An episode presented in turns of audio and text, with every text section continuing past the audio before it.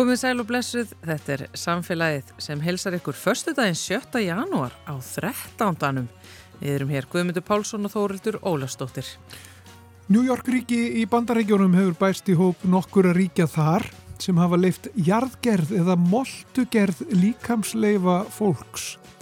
Þá líkamannu komið fyrir á ákveðin hátt þannig að náttúrulegt niðurbrót á sér stað tiltölulega hratt og eftir verður næringarík molta sem aðstandendur fá aðfenda í lok ferlisins. Við spyrjum, hvernig er þetta ferli og væri þetta hægt hér? Sigriður Bilge Sigurjónsdóttir, mannvistfræðingur og stopnandi Trés Lífsins.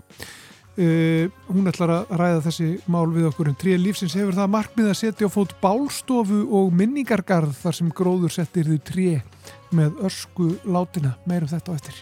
Við ætlum svo að fræðast um 13. háttíðir, sérstaklega þessa sem er í Vesmanegjum, því að öðrum uppákomum ólastöðum annar staðar á landinu, þá er svo sem er haldin í eigum og er í kvöld algjörlega einstök. Í eigunu hafa skapast hefðir sem fyrirfinnast hvergi annar staðar og sjálfbóðaliðar leggja mikið á sig til að skapa töfrandi stemningu sem situr eftir í hugum og minningum allra sem það upplifa. Þjóðfræðingurinn Hrefna Díana Viðarstóttir, eigakona og sérfræðingur og aðdáðandi 13. kemur til okkar. Og málfarsmínútan verður í 13. gýr og svo ræður við við síldarsessfræðing frá Havró um þessa skemmtilegu fisktegund síldina í dýraspjallinu. Skemmtilegu fisktegund. Skemmtilegu fisktegund. Flokku til að heyra það. En við ætlum að byrja á jarðneskum leifum.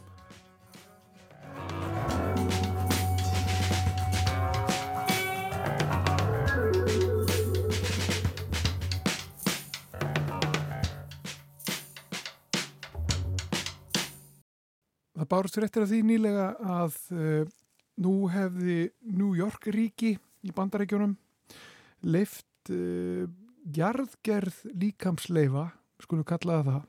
Það má kannski líka segja að þetta sé bara já, þessi náttúrulega umbreyting uh, í moldu, svo við segjum það nú bara eins, eins, og, eins og það er, eins og það, það ferli er sem við þekkjum. Þetta er eitt af fimm þá eða sex uh, ríkjum í bandaríkjónu sem leifa þetta, uh, þetta ferli að þetta sé gert. Og uh, okkur leikur forutna á að vita hvernig þetta gengur fyrir sig og hvort þetta væri nú hægt kannski hér á landi. Og hún er sest hérna hjá mér Sigriður Bilgja Sigurjónsdóttir, hún er stopnandi samtaka eða fyrirtækis sem er kallað 3 lífsins og já, hvað er, er þetta samtök? Trílífsins er sjálfsegna stopnun sem er ekki reikin í hagnaðaskinni. Já, og segð okkur frá, bara byrjum bara þar, hvað, hvað gerir þið? Hvernig stopnun er, er Trílífsins? Trílífsins er rosalega mikið ástríðuverkefni. Þetta er hugmynd sem kviknaði fyrir svolítið mörgum ára síðan, átt ára síðan og að henni hef ég verið að vinna síðan með mikið að góðu fólki og í grunninn snýst Trílífsins um það að bjóða nýja valmöguleika við lífslokk sem sagt það að fólk geti valið um að verða að tré þegar það fellur frá. Já, stuttasvarið um hvað tré lífsins er. Já. Svo hefur aðeins bæst kjött á beinin og við höfum þurft að aðláða okkur að lögum og reglugjörðum til þess að gera verkefni að veruleika. Það er ekki ennþá orðið að veruleika í dag. Við býðum átækta eftir sörum frá dómsmálaráðunitinu um hvað verða, verða skall. En, en þanga til þá erum við bara að fylgjast með hvernig þróunin er, því að það hefur margt breyst frá, frá því að hugmyndin að tri lífsins kom fyrst og þanga til í dag. Og það tengir þú bara beintina það sem að þú hafið samband við mögum. Já, einmitt, sko ef að þetta er tilgangurinn með tri lífsins að, að líkamslegar fólks geti orðið svona, já kannski á eh, ákveðin svona já, náttúrulegan hátt eh, hluti af, eh, af eh, náttúrunni og, og, og ringrásinni eh, hvaða leiðir eru þá í búið til þess sko, að, að það getur verið að veruleika núna mm -hmm. eh, og, og hvað, hvað myndir þið vilja sjá? Á Íslandi er engin leið fyrir þetta til að gerast á mjög náttúrulegan og fallegan hátt Þeir valmöðleikar sem að er í bóði þegar að fólk fellir frá er annarkvort að jarsetja í kirkjugarði í kistu þar sem að þurfa að vera tveir metrar frá kistulóki og upp í jarfiðin eða þá að brenna í bálfarastofu. eða bálstofu. Og á Íslandi erum við með eina bálstofu sem er Reykjana kirkjögörðum Reykjavík og prófastæma. Hún var stopnuð af frumkvölum úr Bálfarafélagi Íslands árið 1948 og hún er búin að í gangi síðan. Hún er svona komið til ára sinna en, og, og hana skortir fullnægandi mengunabúnað.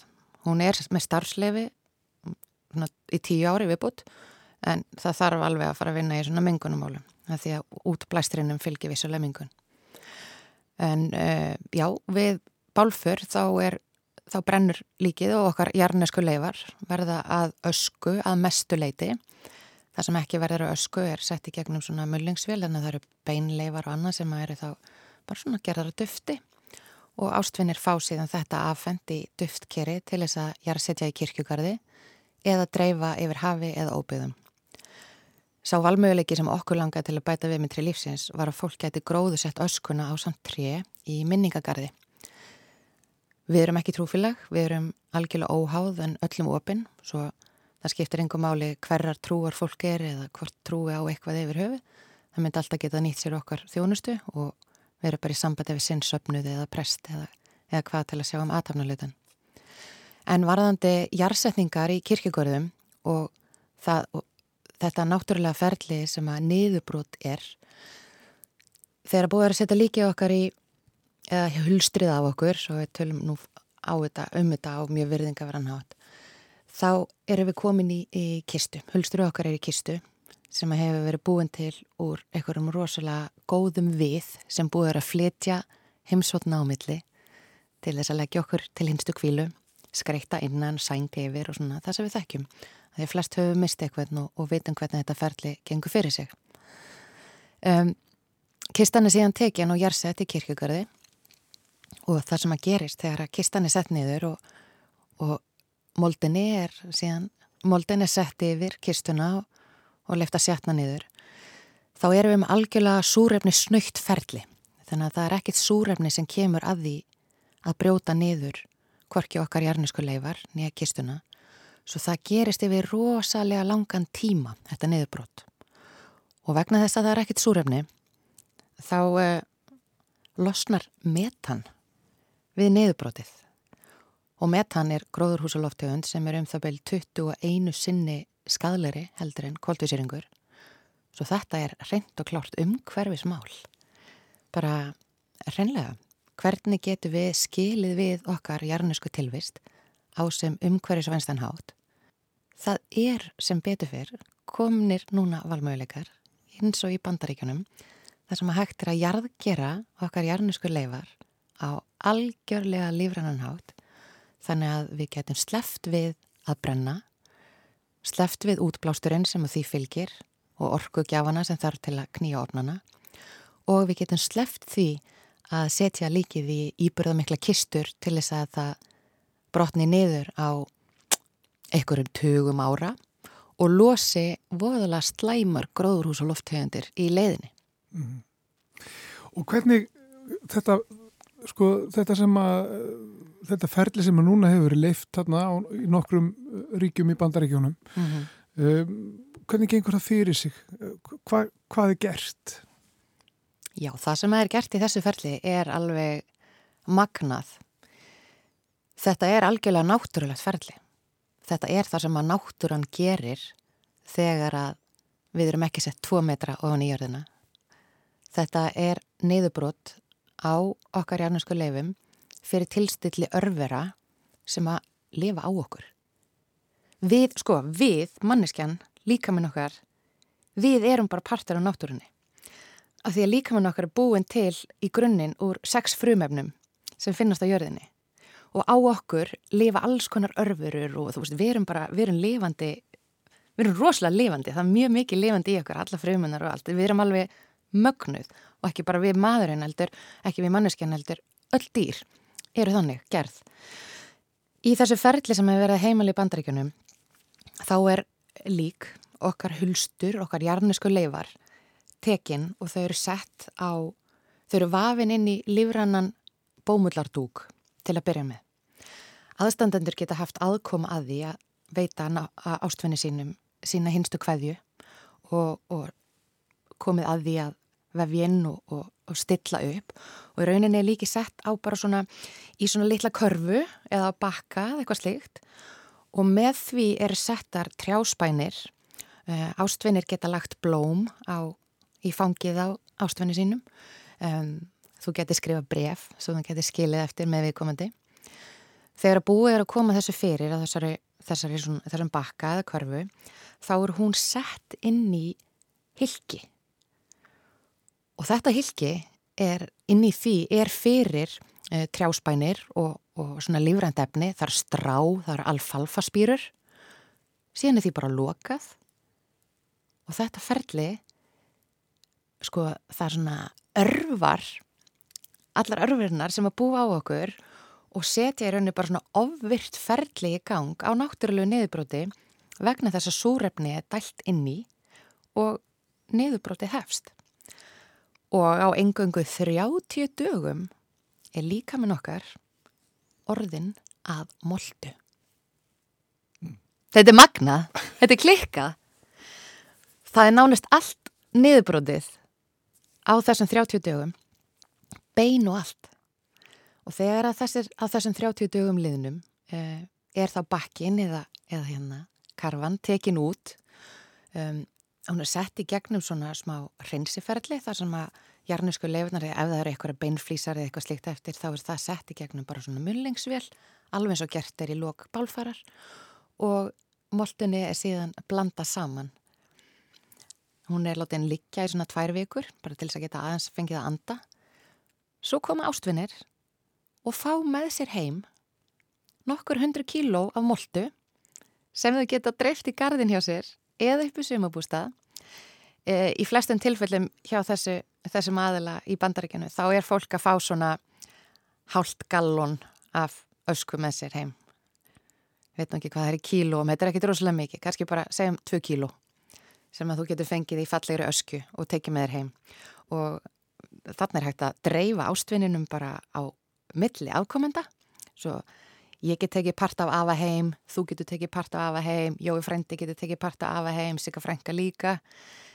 Um, en síðan má líka gefa þessar jarnusku leifar eða molduna sem er orðin til þetta livræna efni sem að líka mann okkar hefur brotnað í gefa það áfram til svona endurheimtar verkefnis þar sem að verið er að auðga um, umhverfið og auðga jarðvegin á svona skóarsvæði til þess að rækta upp tré.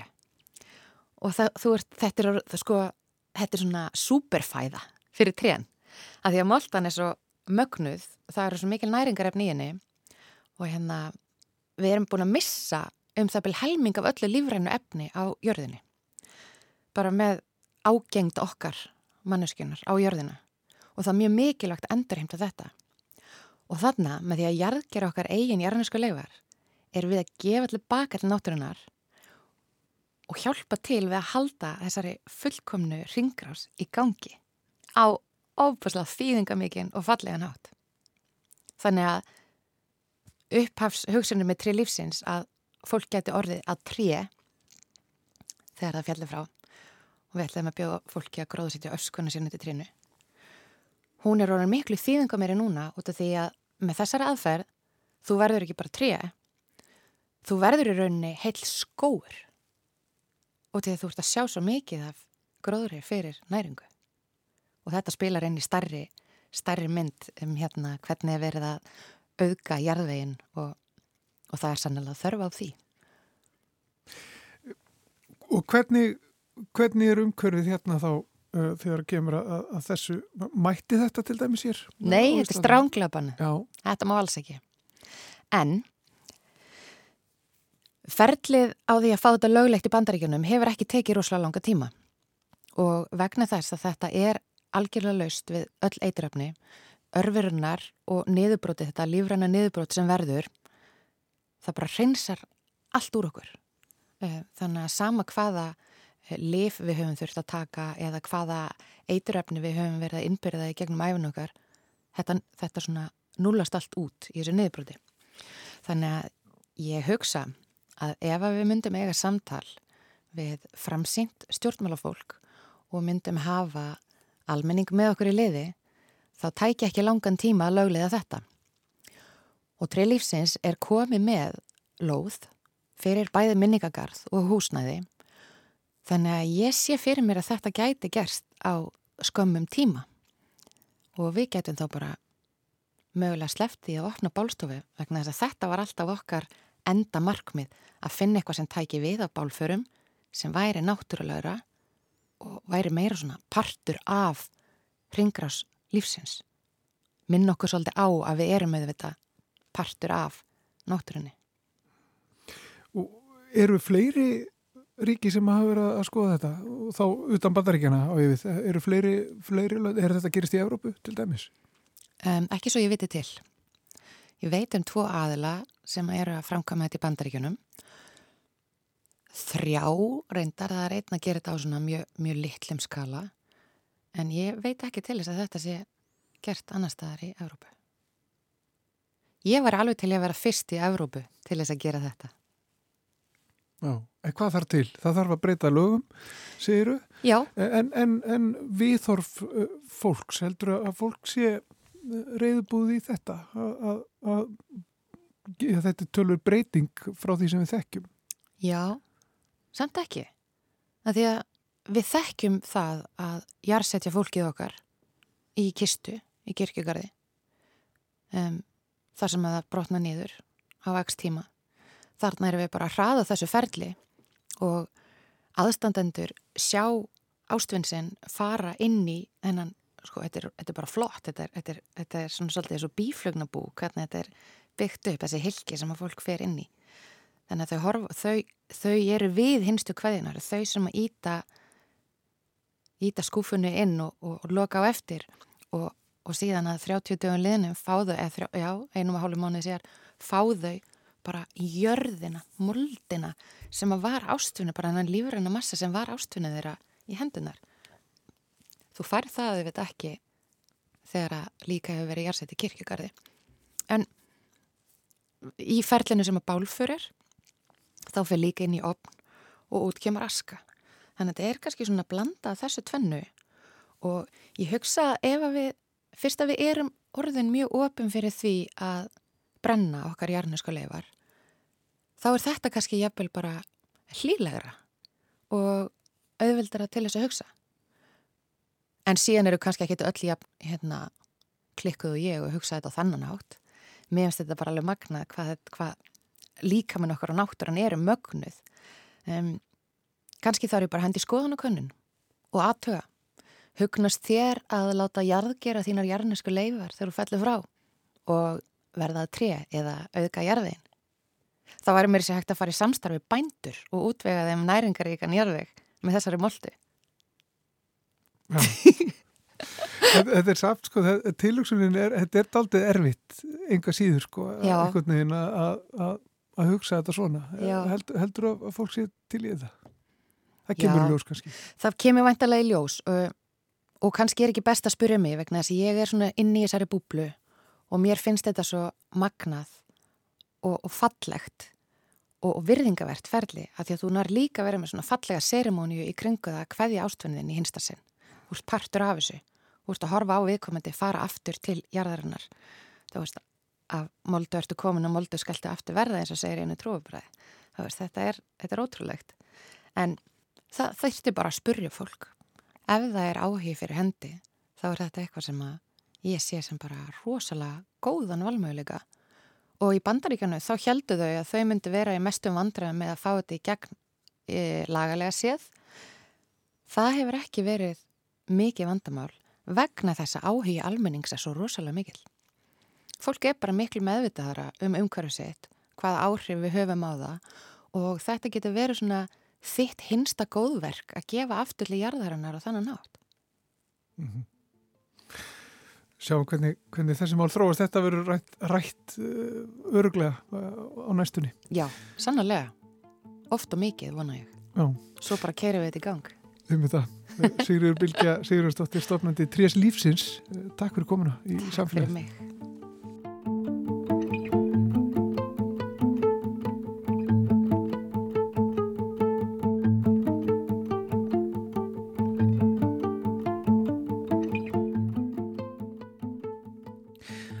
Áframhöldu við hér í samfélaginu, hér á eftir ætlum við að uh, fjalla um 13. hátíðir, sérstaklega það, þá hátíð sem haldin er í vestmannegjum. Það er mikið húlum hæ þar í dag í tilhengni 13. og uh, því kannski viðegandi áður en að við höldum inn í það spjall að spila álvareiðina. Það er Björgun Haldorsson sem tekur þá við.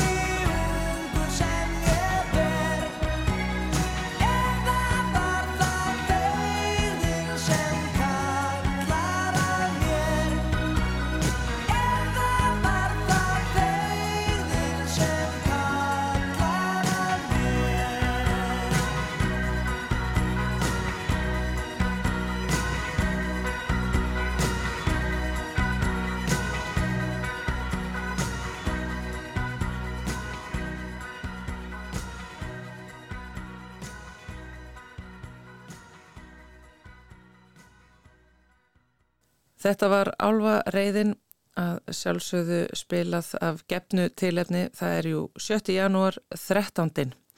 Og við ætlum að ræða um 13. Sérstaklega 13. í Vesmanaegjum. Hrefna Díana Viðarstóttir, þjóðfræðingur, uh, vann uh, bíareitgerina sína, rannsóknareitger sína um 13. hátíðin í Vestmanniðum, er þaðan og kom líka að gerð heimildamindar um 13. Sælurstu Hrefna Díana? Sæl. Eh, Kanski byrja til þess að fá þið til þess að draga saman hvað eh, þrettándin er já, fyrir Íslendinga og ekki hvað síst vestmanninga? Í dag hjá ungu fólki er náttúrulega þrettándin bara eitthvað svona þegar mamma og pappi taka henni í jólaskritið þau veit eiginlega bara ekkert hvað þetta er. En, eh, en fyrir mörgum þá hérna, er þrettándin bara margar lók þessa tímbils sem jólin eru búin að vera sem hefst náttúrulega bara á aðvendunni og, og svo er þetta bara loka hnykkurinn á jólinn og við tekur bara svona vennjubundið eh, tímabil. Já. En það er náttúrulega að tala um það að á 13. og þá opna svona gáttunum millir heima. Veist, kýrnar tala eins og þjóðsveitna segja og álvarni komi heimsókn og halda partí og, og í vestmanniðum til dæmis að þá bara að þá verður heilmikið húlum hæ bara í einhverju brjálar 13. gleði sem auðvitað týðgæðist svona í einhverju mynd viða um land í, og, svona, og það, það er svona mjög svona hvað festist Já. við getum talað um heimsóknarsiði sem eru bara svo eru æfa gömul hefð sem þekkist líka í Skandinavi og Evrópu þessi, þessi dullbúningar og, og heimsóknar hefð að það er að ganga í hús og veist, fá að koma inn um, og, og bæjarbúar, eða sérst íbúar þess bæjar eru að giska á hver, hverju séu þarna undir grímum. Þetta er náttúrulega eitthvað sem að leið undir lók þegar bæjir stækkuðu. Þess að vestmannegar, þeir voru með þessa hefð og þeir fóru úr því að vera, ég man ekki, rúmlega 600 manns undir, eða fyrir 1900 og svo eftir velbóta væðinguna voru þau komin í 1300 manns. Þannig að við getum alltaf að sé það að fullt að innflöttu fólki myndi ekkit þekki eitthvað að innfætta og geta giskað á hverju væri þarna. Nei. Svo þá náttúrulega þarf hefðin að breytast. Þannig áður fyrir var það þannig þegar eh, í vestmennum að þetta var minnapláss að þá var fólk að klæða sér búninga og klappandi upp á hjá nágrunum. Já. En gaman. Og bara úr slegið svo upp í dansleikjapel í hverju húsi verið sig og lítið skil, búið upp á veitingar og kannski harmonika á ferð þarna. En Já. þetta breytir síðan. Já, þetta breytist og það, náttúrulega það varð þarna mikil svona alva danshefð upp á 1900 sem átti upptöks sín svolítið í Reykjavík sem að smitaði síðan til dæmis yfir til Vestmanneja og þannig að það var maður þar sem að hjælt mikið upp á þetta og vildi að yrði alva dans og alva brenna og það yrði alva kongur og alva drottning og, það, og þá var fólk að halda áfram að, grímuklæða sig og ganga á eftir alva kongi og alva drottningu um bæinn og voru með blis og og hérna, og enduðu þetta síðan á grímudansleik, af því það virtist ennþá vera mjög sterk hefð að dölbúast, sem að síðan breytist síðan setna bara í grímudansleiki og, og svo svona emdi eitthvað eftir af að fólk vildi samt kveiki upp í blisi, bara svona kindla og, og gangum bæinn og það var svona alltaf hoppa upp og halda áfram í einhverju mynd og vera dölbúin. Um, margir voru sem sagt að, að að setja utan á sig þang og skelljar og jafnvel höfuðleður af kú, veist, ef þið vildi vera virkilega svona ófrínilegir. Wow. Þannig að þú þurftir að vera svolítið svona, veist, þú veist, dölbúin og þú ert svona pingu skrýmsl, sko. Já. Veist, eins og það kallast en að þetta ekki þá, þetta voru óvættir og hérna, og margíki og svona þess aftar, hérna, verur. Og Og svo erum við bara komin á tímbilið svona um 1950 þegar það svona, það eimir eftir að það eru ykkur skátar og þeir eru að, að lappum bæin með blis. Svo voru týrarar, það voru sérst tvö íþrótafélag í Vestmanni, Týr Já. og Þór. Já, já. Og týrarar voru svolítið svona greinilega með menn sem að vildu hafa svona eitthvað húlumhæ í bænum og, og þeir tóku upp á því, upp á því að, að fara gangum bæin með blis og það svona hjælt áfram og þá kom upp þessi hugmynd að jafnvel vera í jólasveinabúning og svona vera með eitthvað aðeins svona eitthvað raukt í sér því að það var orðið eitthvað svona þekkt, þekkt vera að vera rauðklættur jólasvein og svo voru svona fleiri sem voru skapandi aðilar svona úr listaheiminum eða leikhúsinu sem fannst þetta ekki nóg mikið fútt, við vildum hafa svolítið meira. Aðeins meira karnival. aðeins meira karnival í þessu, nákvæmlega. Þannig að, að þeir byggu til fyrsta tröllið og það var svona, það eiginlega markar svolítið svona upphafið af þessu miklu breytingu sem verður á hátíðin og það er svona um 1960 Og þetta er alveg bundið við Vestmanni, er ekki satt? Og Ég 13 á þar. að þetta hafi undir svona upp á sig og Þessi- orðið bara stærra og stærra Þetta er- trölladæmi. Já, trölladæmi er alveg bundið við Vestmannegar að hafa verið einhverjir á akkurir sem þekkja einhverja hefð tengda þessu en ég er svo sem ekki hér til þess að tala um þá í dag en bara ég veit ekki hvernig það hefur síðan gengið og, og þróast. En í eigum að þá er talað um að, að, að þessi uh, að þessi hátíð, þessari mynd svona upphafsmynd hafi hafist svona um 1948 cirka ekki að vera hengt fyrir þetta ártal. En þá hafi týrararnir þeir hafi svona byrjað að ganga bæði með blis síðan svona upp á 1960 og þá voru þá bara týrarar sem aðstofmenn Jólasveinsins, gengum bæin með blis og svo hafi komið tröllinn og svo alva kongur og alva drottning og, og svo bara fleiri alvar sem var samkórin og þá urður náttúrulega að vera mótvægi, urður að vera púkar líka og svo bara þessi tröll. Og að því þú myndist á karnival og þá er svo gaman að því að þessi karnivalstemming sem hendur öll á kvolf Já. og veist að hámenning verður, veist, að lámenning tekur yfir hámenningun og gerir grína henni sko, að, að fyrsta tröllið var eiginlega dragandi eftir sér sko hreppstjóra eða eitthvað svona úrvalsbónda sem að dró hann eftir sér svona eins og hann, já bara eins og þeir mætti núna ráða, tröllir sko Já. og gera eitthvað svona grína af hreppstjóranum eða þessum óðalsbónda sko að svona, gang, að svona mis, mis, missefna sögurnar um hvort þetta hafi verið Og fyrsta tröllið ávist að hafi verið gert úr línubelg og einhverjum risastórum kassa af þottaefni, veist, til þess að hækka höfiði, þá voru gerð svona augu á Já. kassanum á þottaefninu og línubelgur nú var það og svo bara fullt af gærum. Og þetta er svona ennþá, veist, er, við erum að tala um tunnur og mikið magna gærum og og þetta eru bara eitthvað svona ófrennjur sem gangum bæin og, er, og, það, og þessi tröll þau eiga að vera ljót. Þau eiga að vera með stóra eiru og stóra nef og þau eru með augur sín alveg lýsandi. Þannig að þegar þú stendur sko við brennuna út með stóra brennu þarna í bakgrunni íbúið að raða sér saman sérst í lók uh, skrúðgangunar þá endur við sérst öll hérna upp á malarvelli og þar er brennan. Og það raða fólk sér upp með fram bara reypis sem er sem afmarkar þetta brennusvæði og það sem tröllin eru innan í. Og þegar þú stendur hérna utanum þetta handan þessa reypis og horf, sérð brennuna og þá sérðu tröllin koma til þín svona í siluettu og svo sérðu bara glampandi augun sko og eitthvað risastóra verur og svo náttúrulega fallir jólaseinar þarna sem lappa um og alvar og þess að þar en svona þetta, þessar andstæður sko. Wow. og þetta er töfrum líkast í rauninni sko að vera þarna því það er veist, þetta er einhver heimur sem kemst aldrei í kynni við nema þennan dag veist, og í þessu tilfella á þessum stað. Og, og það er oft tala um það að gríla og leppalóð eru þarna og þau eru mjög orðljót. Þetta er ekki, þetta er batna hátíð en þetta er samt sko Veist, gríla á að vera batna fæla veist, það er eðli hennar.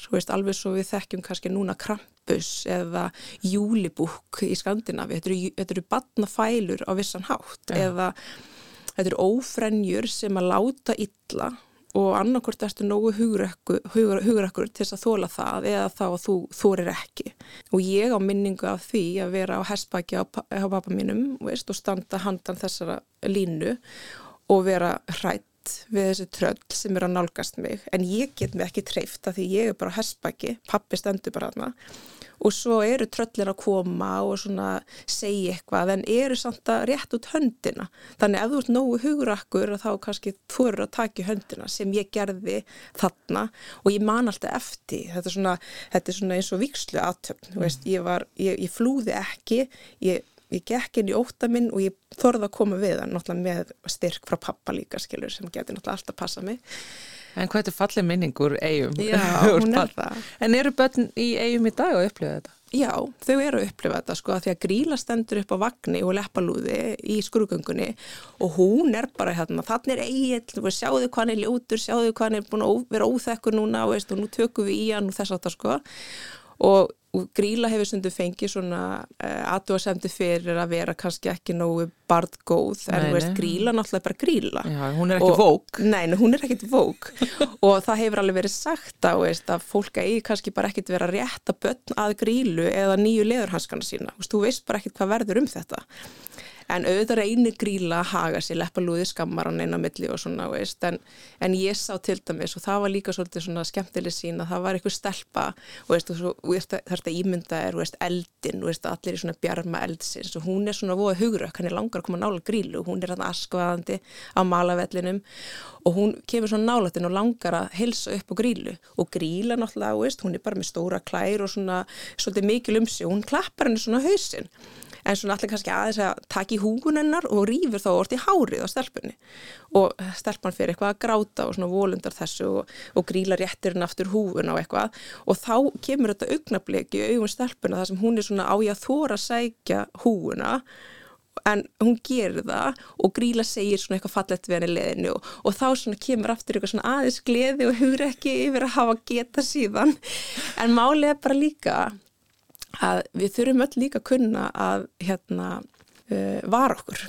Við þurfum að, að varast hættur. Já. og börn þurfa líka kannski bara og veist hann er tækifæri þeirra til þess að annarkort ganga í gegn þess að mandúsvíkslu að vera ekki hættur eða læra bara að þú mátt ekki trista öllu. Það er ekki allt óhætt Þetta er nú meiri þrettandin þarna hjá okkur eigamörnum. en það er svona sem að þið výi börnin eitthvað og gerðu. Og undirbúið fyrir þjóðutíð. Já, undirbúið fyrir þjóðutíð. Þetta er sem sagt ennþá alveg heljarinnar hátíð í eigum og svo er svona hipsum haps hvernig þetta er hérna upp á landi. Já, algjörlega. Og það fyrir rosa mikið bara eftir tímabilum og landsvæðum og bæjarfélum. Já, og þá langar mér að mynda að segja, sko, þessi hátíð í eigum og ég er náttúrulega búin að mála að dökka mynd þarna, þarna grílu og eitthvað en veist, mest megnist þá er þetta er þetta er það sem heillar mig Þetta oft er við. mjög heillandi. En í megin dráttum er þetta bara skemmtilega jólasveinar börnin skila snuðanum sínum jafnvel í póka til jólasveinsins að þeir þurfa að hætta með snuð á þessu tímubili þau eru að syngja með jólasveinunum uh, og, og eru bara hangandi í kringum hérna vagnin á skrúðgöngunni og eru að nálgast tröllin og hafa gaman. En sko þessi hátíð væri ekki neitt nema vegna þess að það er fólk sem mætir árkvert nokkra daga fyrir 13. og undibýr þetta, finnur aftur hausana sína og, og skrúða sinn og undibýr brennuna og þetta eru, þetta eru 100-150 sjálfbúðaliðar árkvert sem koma þarna í þeim eina tilgangi að setja á svið þessa hátíð og þennan performance fyrir bæjabúa og, þau, og það var ofsalega gaman að tala við alla þessa sjálfbáðaliða þegar ég var sagt, að rannsaka þessa hátíð fyrir björritgerna mína og svo auðvitað fyrir okkur sem að byggja síðan til þessa heimildamind. Það var svo gaman að, hérna, að tala við alla þessa aðela og, og fá það svona á hreint frá þeim að þetta veiti þeim svo mikla ánægu. Veist, þau er að sækja þarna í eitthvað ákveði hóp ástand. Veist, að koma saman ár hvert og sko ára tugi eftir ára tugi til þess að hitta sína gumlu félaga, marga hverja, gamla týrara veist, að þetta týrir ekki lengur til Nei. en týrir til þarna Á 13. á 13. og þó að einhverju þorsar að hafa alveg bæst við og eitthvað svona en þarna er þessi gamli hópur sem langar að gleðja bæjarbúa og setja á svið þennan performance að því að það sem gerist líka þegar þú setur á þig hausa og ferði í eitthvað búning þá ertu bara komin í eitthvað annað ástand. Þú mátt leika þér, þú veist, þú ert orðin krakki aftur og við sem mætu líka hátíðan og horfum, við erum að upplifa svona samfellu, við erum að upplifa sko gömlu minningar okkar sem krakka og vera fullur núna, sjá börnin okkar upplifa það sama, svona nostalgíu tilfinningu, svona aftukvarf í gamla tíma að að sem að eru auðvitað að breytast en eru samt svo líkir. Já. En þetta fólk, við erum náttúrulega þeim æfilega þakklátt þessum, þessum sjálfbúðaliðum sem ennþá hafa svona mikla ánægi að því að koma og gleðja okkur, veist að því án þeirra væri ekki neitt. Og á þeirra væri ekki þessi töfrar og þessar dásanlegu æsku minningar. Já. Af því að, veist, 13. hátíðin er nefnilega eitthvað alveg sérstakt Já. þegar hún er vel gerð eins og hún er gerð þarna út í eigum. Eh, bara aðeins að lokum hrefna, þú náttúrulega hefur, þú veist, ert úr eigum og hefur ansakað þessa frábæru hefð og mikið er ánægilegt að heyra þetta sé ennþá í gangi, þannig að það er hátíð í dag hjá Já, það er hátíð í dag á Og- 13. Á 13. auðvitað og eftir COVID, COVID uppsöfnu árin. þörf fyrir þetta, þannig að börn eh, hræðast og gleðjast og verður að hugrökk í kvöld í eigum. Þetta er ákveðin viksla. Eh, Þú hefur ansakað þetta, gert þessa heimildamind, eh, þarf náttúrulega bara að- senda kveðjur til Já, þíns fólks. Já, við hérna, við hérna Geir Reynisson og Sigvatur Jónsson, við, við settum á stað sagt, þessa vinnu að, hérna, og, og sapna þessu efni. Okkur langaði svo að fanga þessa hátíð á sjónarnan hátt og gera þessari sögu skil sem væri hægt að sækja í. Það er þetta ná í þessa heimildamind í, á votlegum, Símans og Vodafone. Já. Það er hægt að finna myndina, hún heitir heimildamynd um 13. gleðan í eigum og einni er hægt að fara á vimeo.com, það er svona streymisveita Já. og það er hægt að finna myndina. Þannig það er hægt að leia þessa myndir á þessum þremur stöðum og við hvetjum fólk eindriðið til þess að þetta er mjög skemmtileg mynd. Þú, bara, þú verður líka fyrir hughrifum að sitja bara inn í stofu með kjartaljósinn og bara og horfa myndina og fá að upplefa þetta inn í stofu. Já. En við auðvitað mælum alltaf með að kíkja hátíðana sjálfa, hún er svo frábæra. Já, ég held að það sé eiginlega það sem við langar helst til þess að gera. Eh, Þar sem að 13. hátíðir skortir að að bara, sem er því miður eh, víða um land, eh, farið og horfið á þessu mynd og, og eða bara farið út í eigjar og upplýðið þetta að þetta er algjör töfrar og magnað og mikið er í glöð að heyra að 13. sé háfum hafður og lagt mikið í hann einhverstaðar á landinu enn. Já. Hrefna Díana Viðarsdóttir, þjóðfræðingur, takk hérlega fyrir að koma enga til okkar í samfélagið og gleðilega hátíð. Takk fyrir sem er leiðis.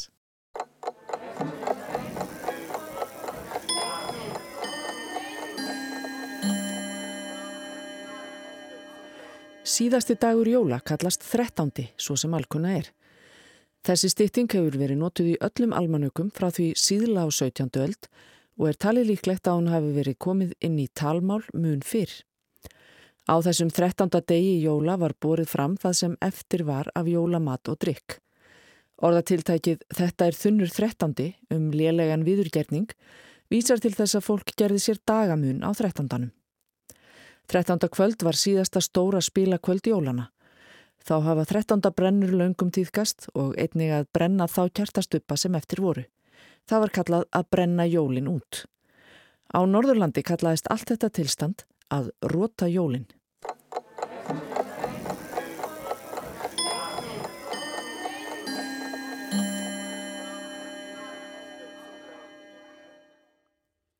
Þá ætlum við að tala við Lísu Ann Líbungan. Hún er eh, fiskifræðingur hjá Hafrannsóknarstofnun og er hinga komin í samfélagið. Já, undir liðnum dýra spjallið þar sem við fáum að forvitna staðisum störf náttúruvísenda fólksins okkar.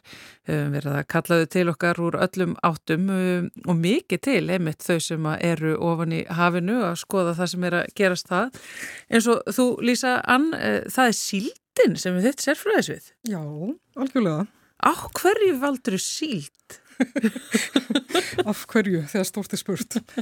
Hún, um, já, síldin, hún er náttúrulega bara mjög, þetta er mjög merkilegu fiskur og skipta miklu máli náttúrulega í árhundruðir. Mm.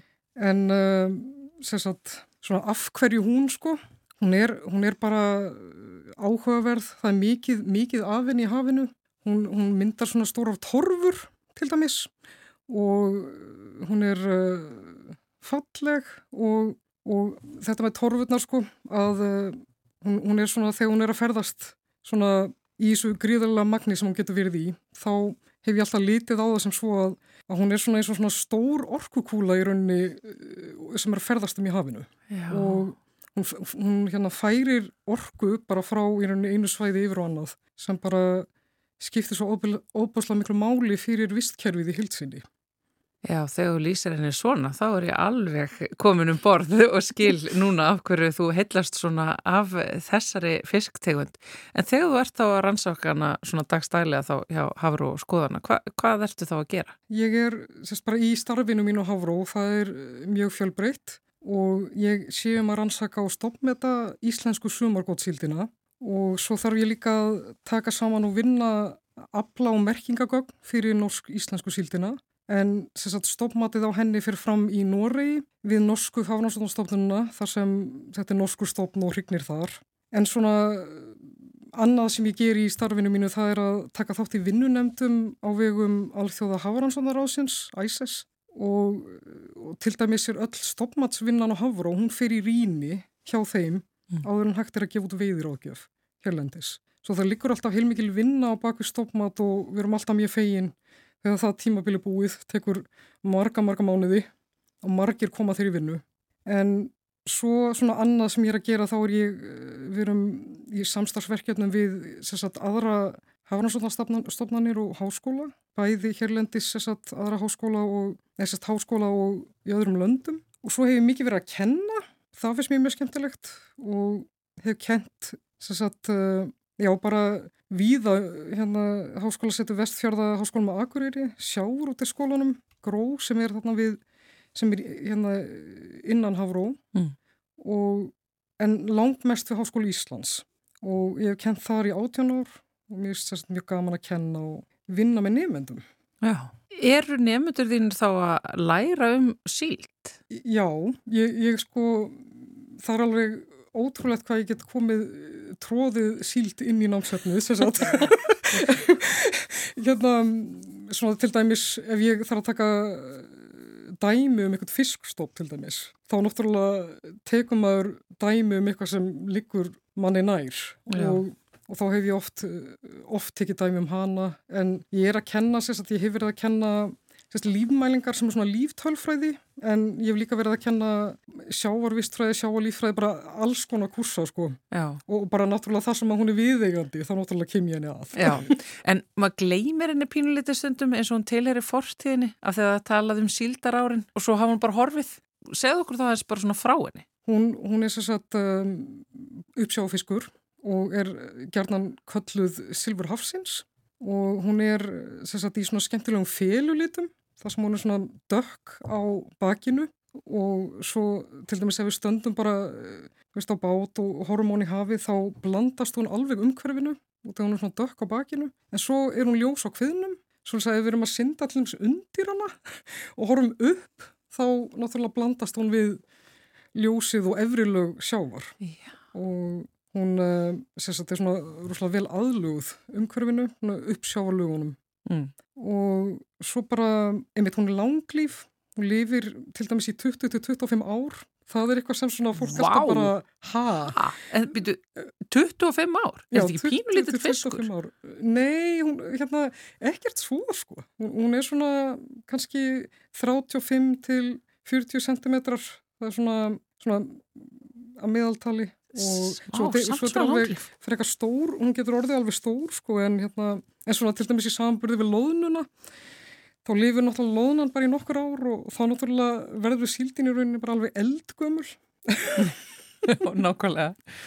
Og er hún mikil, mikilvæg fiskur ennþá fyrir Ísland?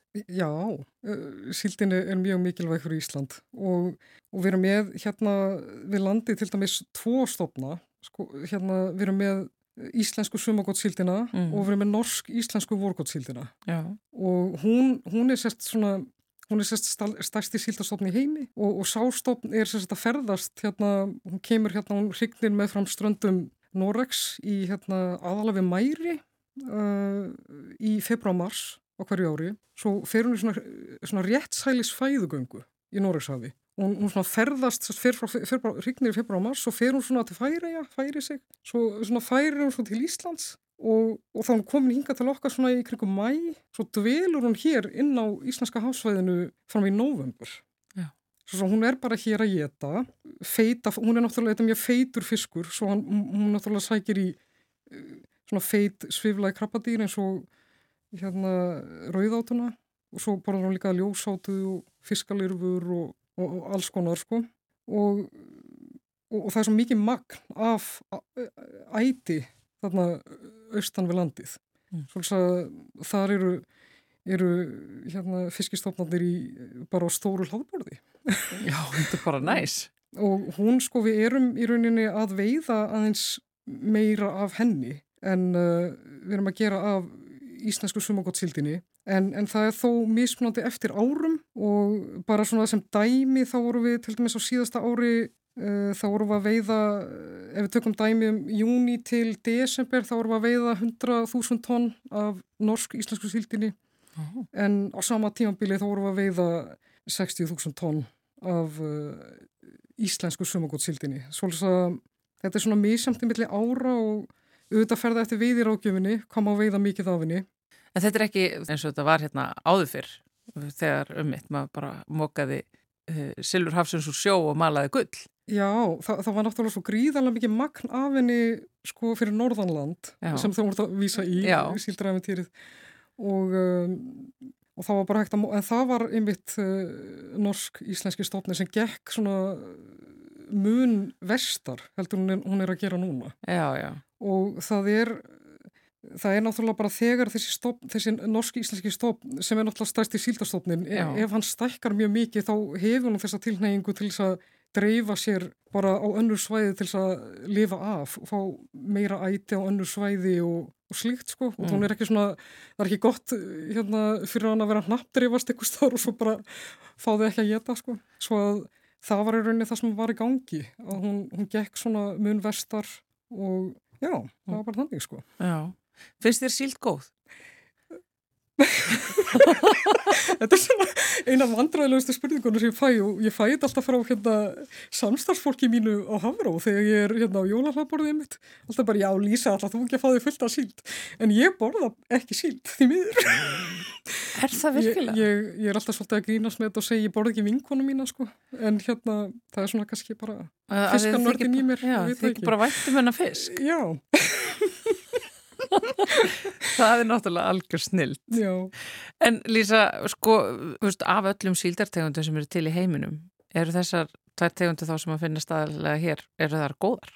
eða veist, er þetta, er þetta flottar síldir? Já, já, já, já þetta eru flottar síldir og hérna og, og meðal, meðal lengtin á síldinni er, er uh, nokkuð laung meða við það sem að finnst svona sunnar mm.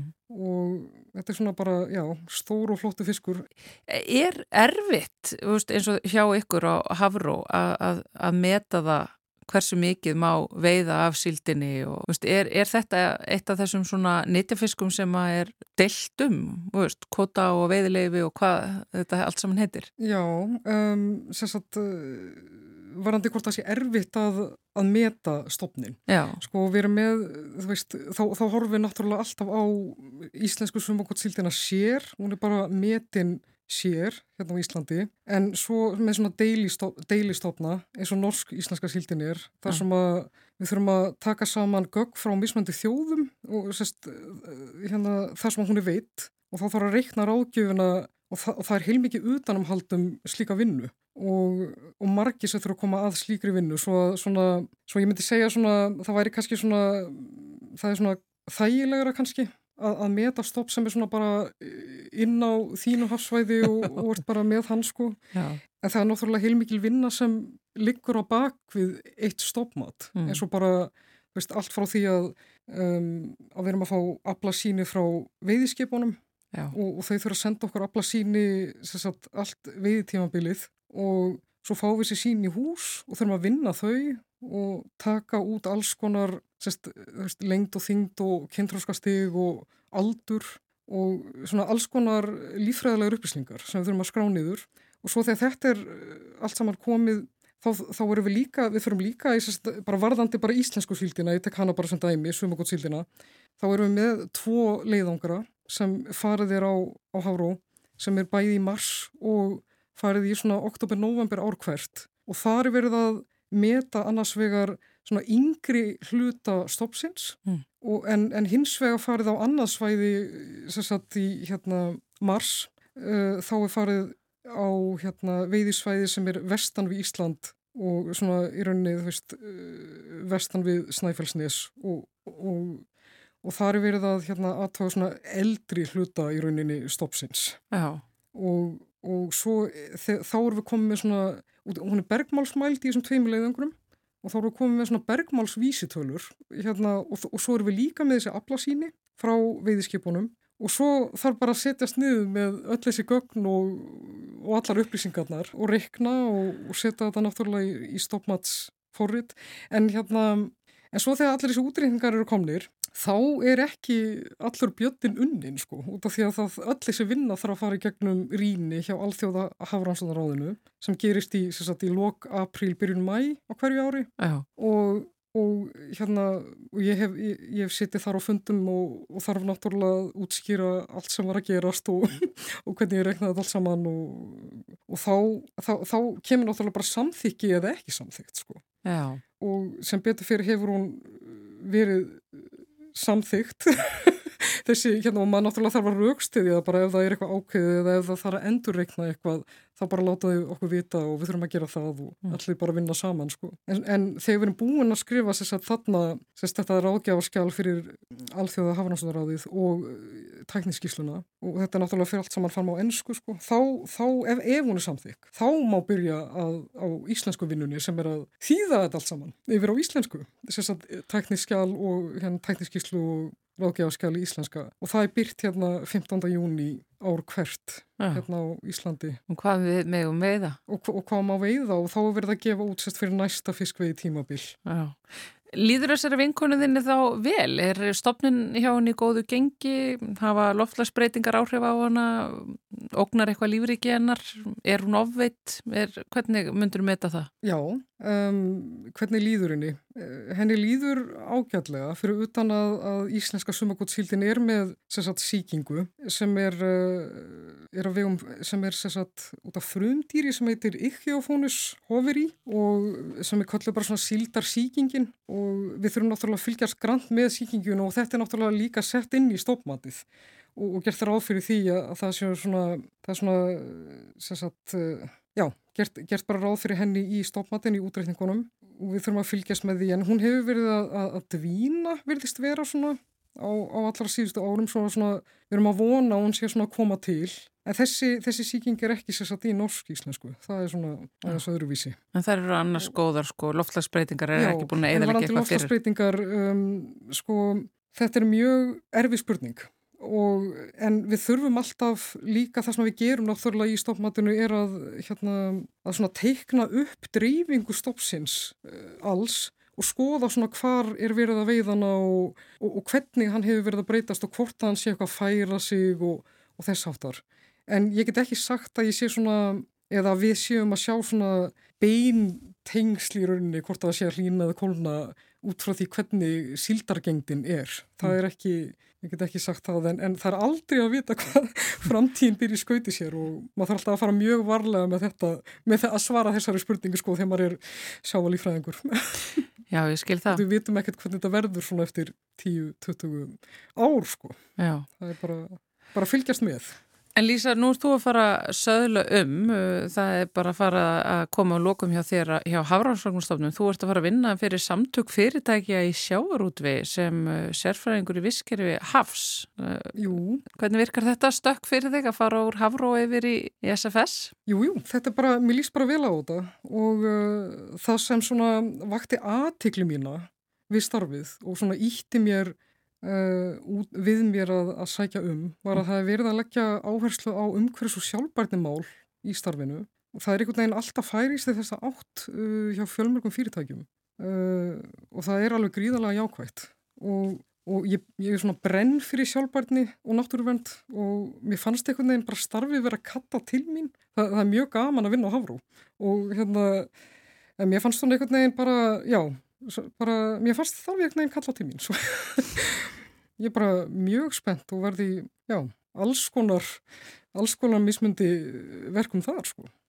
Gott að við náðum þér samt aðeins hingað í dýraspjallið áður en þú söglaður um, eh, það var mjög fróðlegt að heyra af þessari góðu vinkornuðinni eh, sem þú borðar ekki síldinu. Lísa Anna Líbungen, fiskifræðingur. Takk hella fyrir spjallið hér í samfélaginu. Já, takk fyrir að hafa mig.